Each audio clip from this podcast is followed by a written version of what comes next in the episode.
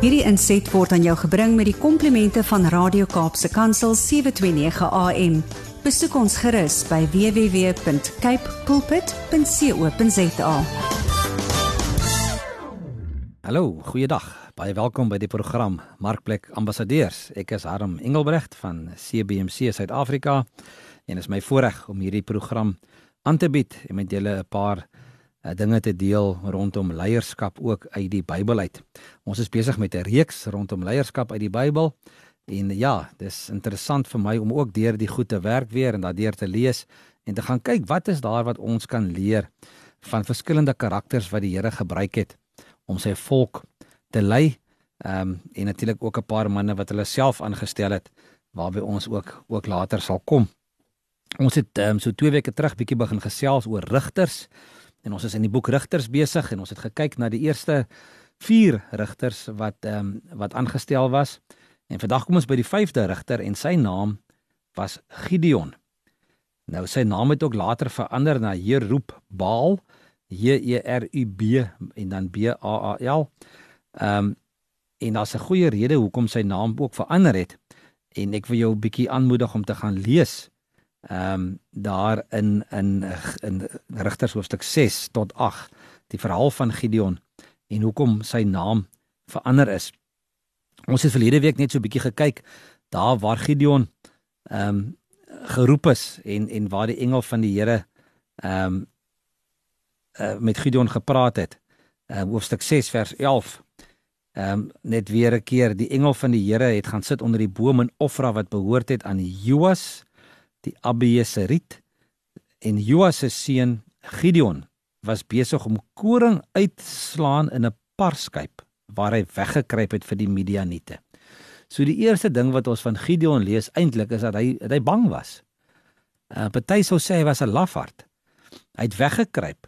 Um mens slaan nie koring uit in 'n parskyp nie. Jy slaan koring uit um bo um in die wind waar die wind kan die die kaf wegwaai.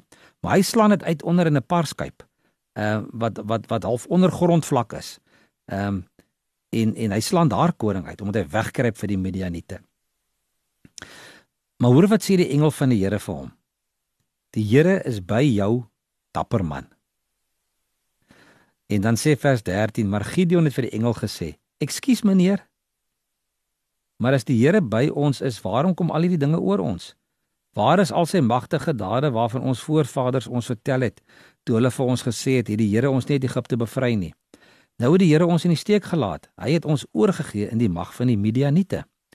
Want onthou nou al vir 7 jaar is hulle onder die Midianiete se mag, né? Toe het die Here na Gideon toe gedraai en vir hom gesê: "Gaan met die krag wat jy het en gaan red die Israeliete uit die mag van die Midianiete. Toe, ek stuur jou." Maar Gideon sê vir hom: "Ekskuus meneer, waarmee sal ek die Israeliete gaan red? Die familie waaraan ek behoort is die armste in die hele Manasse. Ehm um, en van my pa se kinders is ek die een met die minste aansien." Maar die Here het hom geantwoord: "Ek is by jou. Ek is by jou en jy sal die Midianiete verslaan asof hulle nie meer as een is nie." Gideon sê toe vir die Here: As u so vriendelik sal wees, doen tog vir my 'n wonder dat ek kan weet dit is u Here wat met my praat. Moenie hiervandaan af pad gee nie, dat ek tog net goue offer voor u kan kom neersit. En so kan ons die res van van Gideon ehm um, se verhaal lees daar in in hoofstuk 7 en 8 verder en ehm um, En ons weet hoe Gideon uiteindelik ook gevra het vir die vir die dou op die velletjie wat moet droog wees en dan moet die grond nat wees en dan moet die velletjie nat wees en die grond moet droog wees. Ag en, en 'n klomp dinge wat ons wat ons van van Gideon ook lees hierso ehm um, in in in rigters. Maar ek wil hê dat ons net bietjie kyk na na na Gideon en die die die die beginsel van 'n leier en dit is die van ondersteuning of steun. Ehm um, hoe kry 'n leier mense om hom te ondersteun? Mense volg nie eerstens 'n goeie saak nie. Hulle volg verdienstelike leiers wat verdienstelike sake bevorder. Mense vertrou eers hulle steun aan die leier self toe en aan die leier se visie. En dan wanneer hulle na hom luister, dan filter hulle die boodskap ehm um, wat oorgedra word. En dan sal hulle besluit of hulle na van hierdie ou hou of hom sal volg of nie. Ehm um, en 'n mens kan nie die leier skei van die saak waarvoor hy hom beywer nie. Ehm um, die twee staan altyd of hang altyd saam. Nou wie sou ooit vir Gideon as leier gekies het? Hy self sou beslis nie. Hy het nie eens gereken dat hy 'n leier kan wees nie. Daar in hoofstuk 6 vers 15 het ons nou net gelees. Hy sê: "Ekskuus meneer, waarmee sal ek die Israeliete gaan red?" Dis die vraag wat hy vir die engel gevra het, wat vir hom kom sê het God wil hom gebruik om die om die Midianiete te verslaan. Toe sê hy, toe sê Gideon vir hom: "Die familie waaraan ek behoort is die armstes in die hele Manasse en vir my pa se kinders is ek die minste, uh, die een met die minste aansien." So ondanks Gideon se twyfel en sy uh laat dink van homself, het die Here hom nog steeds gebruik. Die mense het hulle agter Gideon geskaar en hy het Israel gelei in die eensydigste oorwinning in die volk se geskiedenis. En ons weet van die storie waar hulle moes gaan veg en hy die Here het hom gesê moet die mense minder maak en minder maak en uiteindelik het Gideon met met met 'n paar honderd, as ek reg onthou, was dit omtrent 300 man, het hulle gegaan en hulle het hulle het gaan veg en hulle het die ehm um, Midianiete met omtrent 20000 manne het hulle het hulle toe oorrompel. Maar hoekom is Gideon gesteen? Hoekom het die mense na hom geluister en hom ondersteun? Gideon het het gevorder van 'n onbekende lid van 'n onbelangrike onbekende familie tot die leier van die noordelike stamme van Israel. Sy ontwikkeling as 'n leier het deur verskillende fases gegaan. En kom ons kyk gou na so 'n stuk of 4 van daai fases waardeur Gideon se leierskap gegaan het. En die eerste ene is sy karakter. Ware leiers bewys hulle self eers aan die mense naaste aan hulle. Gideon het met 10 slawe van sy huishouding begin en met hulle hulp het hy die Baal altaar gaan afbreek. 'n Nuwe altaar vir God op die plek gebou en daar 'n offer gebring soos wat God beveel het. En dit lees ons daar in ehm um, verder in hoofstuk 6 van ehm um, van Rigters.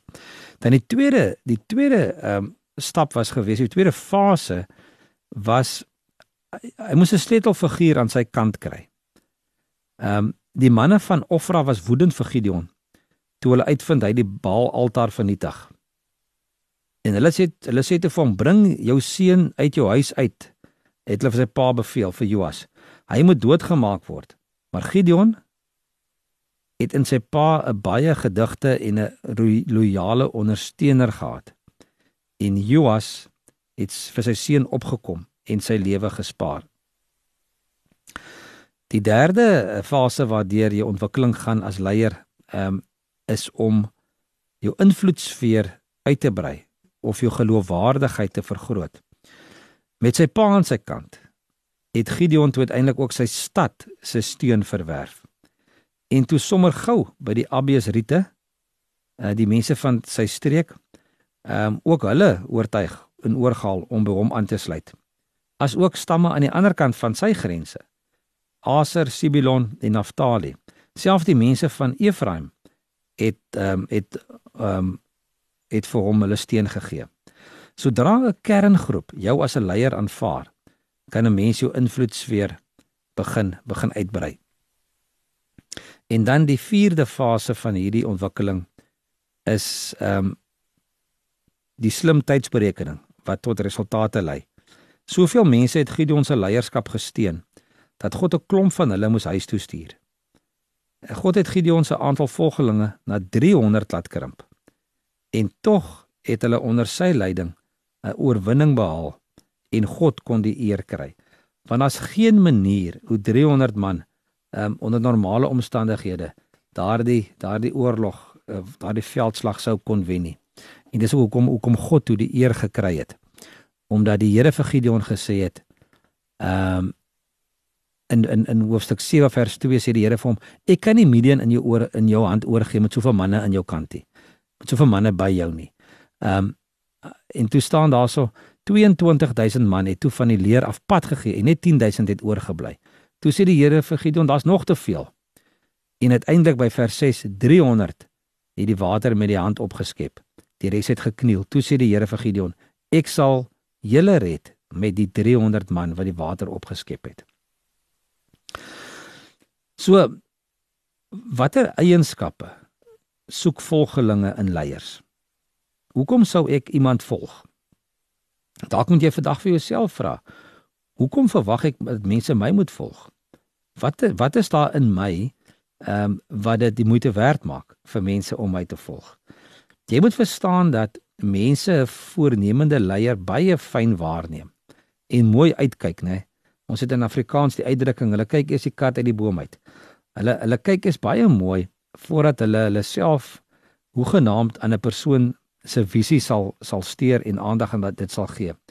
Sodra volgelinge vertroue in 'n leier het, sal hulle vertroue in die visie begin ontwikkel. En daar's sewe eienskappe wat mense na 'n leier toe aantrek. En ek begin aan daai sewe eienskappe kyk. Die eerste ene is roeping. Min mense is so meesleurend as 'n leier met 'n duidelike roeping.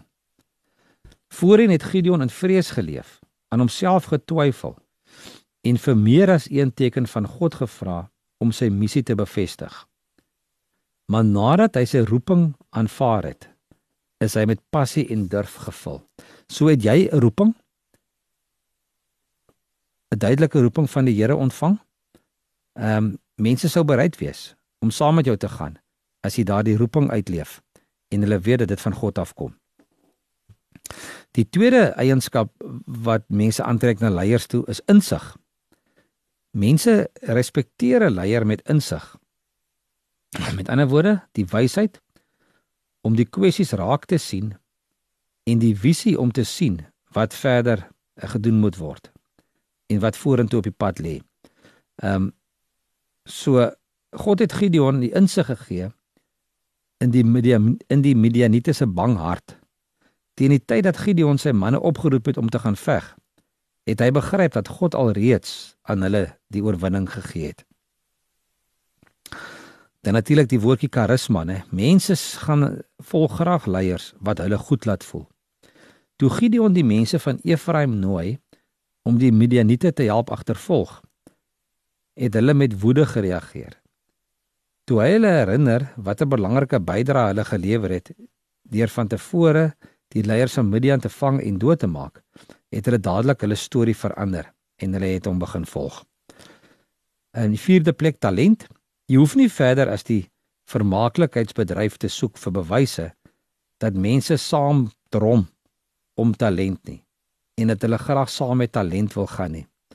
Ons weet nie hoeveel van Gideon se aangebore uh vir, ons weet nie veel van sy aangebore vermoëns nie. Ons weet wel dat die engel hom 'n dapper man genoem het en die opdrag gegee het om met die krag wat hy het die Israeliete te gaan red.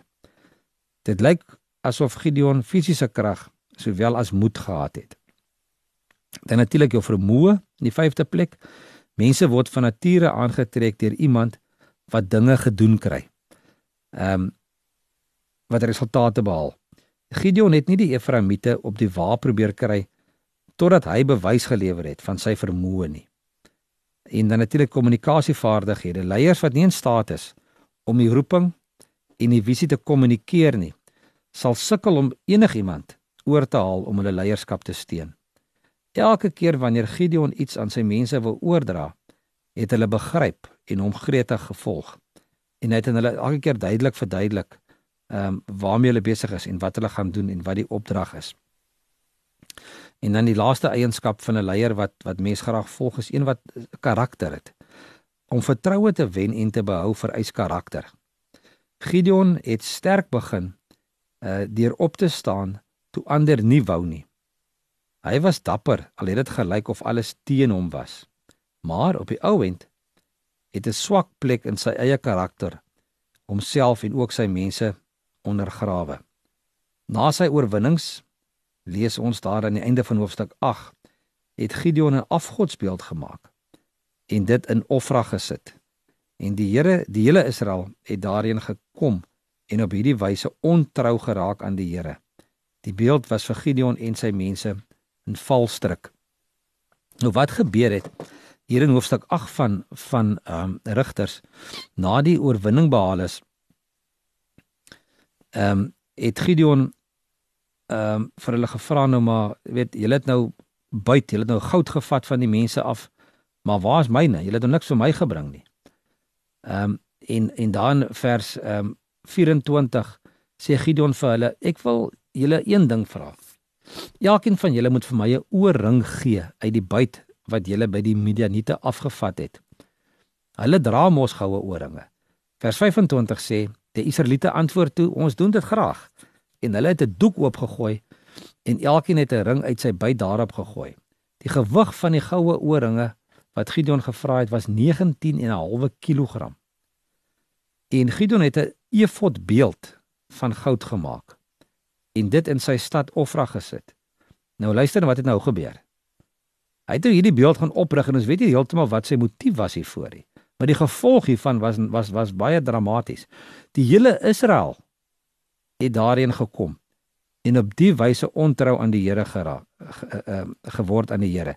Die beeld was vir Gideon en sy mense 'n valstrik. Die Midianiete was onderdanig aan Israel. Hulle het nie weer in opstand gekom nie en daar was 40 jaar lank vrede in die land in die dae van Gideon. maar dan vers 33 soos gewoonlik na Gideon se dood het die Israeliete weer die Baals begin vereer. Hulle het vir Baal Beret as god aanvaar en die Here hulle God vergeet deur wie hulle gered is uit die mag van hulle vyande rondom hulle. Hulle was ook nie lojaal teenoor die gesin van Gideon en en ook ten spyte van al die goeie dinge wat hy vir Israel gedoen het nie. So die fout wat Gideon gemaak het op die einde van sy van sy ehm um, eerskappy het hy eintlik so half 'n bietjie die plot verloor en 'n goue beeld gaan bou, gaan maak van van van die buit wat hulle van die vyand gevat het. En ons gaan volgende week 'n bietjie kyk, jy weet die verskil hoe wat hoe het Gideon en Samson gemaak deur hulle lewe um, in vroeg in die loopbaan en later in die loopbaan. Wat het hulle gedoen? Weet wat het wat het die wat het fout gegaan? Hoekom hoekom volge ou die Here en dien jy hom voluit tot op 'n punt en dan iewes skielik is dit asof iets net fout gaan. Maar ons gaan bietjie ook daarna kyk um, in 'n volgende program. So ek wil nou eers hierso weer vandag met met Gideon bietjie vol staan en dan ehm um, graag met julle op 'n volgende geleentheid bietjie bietjie verder gesels. Bedankie dat jy vandag ingeskakel het. Um, en dat jy saam met my bietjie gekyk het na Gideon en en en wat hier gebeur het in sy lewe en die voorbeeld wat ons ook uit hom uit hom kon leer. En ja, ek wil jou graag aanmoedig en uitnooi as jy bietjie meer wil weet oor hierdie bediening van CBMC uh eh, van Christian Business Men's Connection, gaan ehm um, besoek gerus ons webwerf www www.cbmc.co.za of stuur vir my 'n e-pos na admin@cbmc.co.za. As jy iets wil weet rondom ons bediening of 'n kommentaar of 'n vraag het rondom ons programme, laat weet gerus vir my. As jy natuurlik ook wil luister na vorige programme, gaan gerus na Radio Kaapse Kansel se webwerf. Ehm um, gaan kyk daar na ehm um, dan die programme, gaan klik op ehm um, die potgoeie, soek daar die program Markplek Ambassadeurs en gaan luister ook gerus na vorige uitgawes van hierdie program. Met hier en hiermee groet ek julle tot volgende week. Totsiens. Hierdie inset was aan jou gebring met die komplimente van Radio Kaapse Kansel 729 AM. Besoek ons gerus by www.cape pulpit.co.za.